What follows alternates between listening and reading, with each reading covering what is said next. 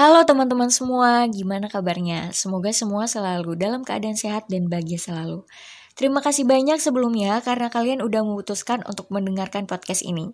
Kali ini aku menghadirkan podcast dengan gaya yang berbeda karena aku mau tahu nih, kalian lebih suka podcast dengan ada sesi berinteraksi kayak di pembuka kali ini atau yang tanpa basa-basi langsung eksekusi? Kalau kalian denger ini di YouTube, tinggal komen aja ya di bawah.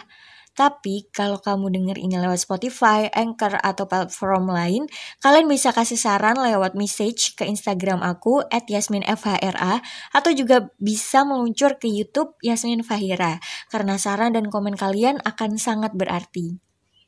Oke, langsung aja kita masuk ke pembahasan home kali ini ya. Aku juga pernah merasakan itu Ketika pulang harus menempuh beribu mil jauhnya.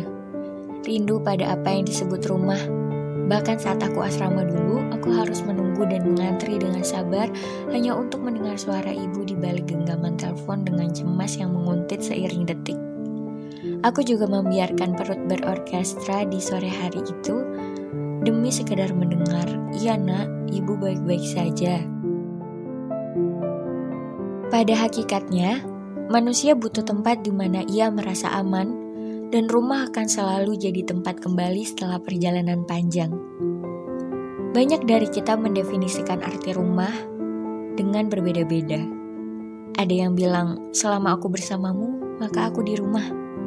Ada pula yang mendefinisikan rumah sebagai tempat berkumpulnya keluarga, dan masih banyak lagi definisi-definisi lain yang bisa jadi tiap-tiap kepala memaknainya dengan cara yang berbeda-beda.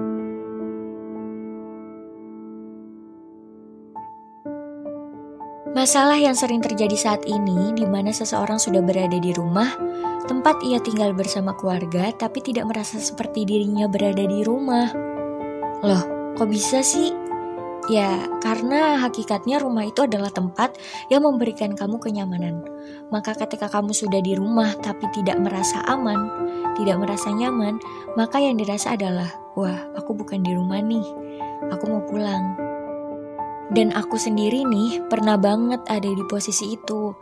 Raga udah di rumah, tapi kalau lagi gak merasa nyaman, tiba-tiba hati tuh kayak ngomong, aku mau pulang.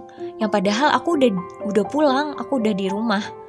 Sampai akhirnya aku bertanya-tanya, apa sih sebenarnya definisi rumah itu? Ya mungkin hal itu terjadi karena aku sering jauh dari rumah kali ya. Jadi di saat ada titik di mana aku nggak betah, aku selalu ingin pulang.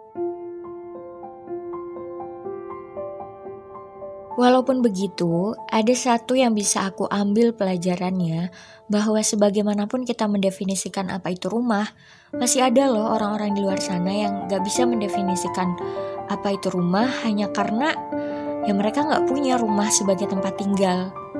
Dan mungkin ditambah lagi dia sebatang kara, misalnya.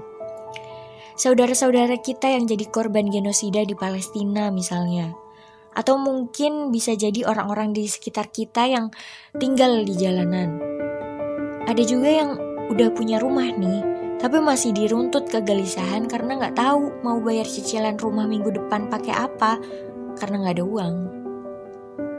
Ternyata kita cuman kurang bersyukur. Sementara itu, di beberapa kasus ada juga yang lagi ancur hatinya karena mungkin seseorang yang dia pikir rumah ternyata cuma sebentar singgah. Dear, gak usah sedih terlalu larut. Buka mata lebih luas lagi. Lihat di sekelilingmu. Ada ibumu mungkin yang selalu siap jadi tempat kamu berteduh. Kapan pun, di mana pun. Atau ayah, adik, abang, kakak, sepupu, teman yang suportif, dan masih ada banyak lagi ternyata tempat di mana kamu bisa singgah, tempat atau seseorang di mana kamu merasa nyaman bersamanya. Hingga akhirnya kamu bisa berkata di dalam hati, "Ya, aku di rumah."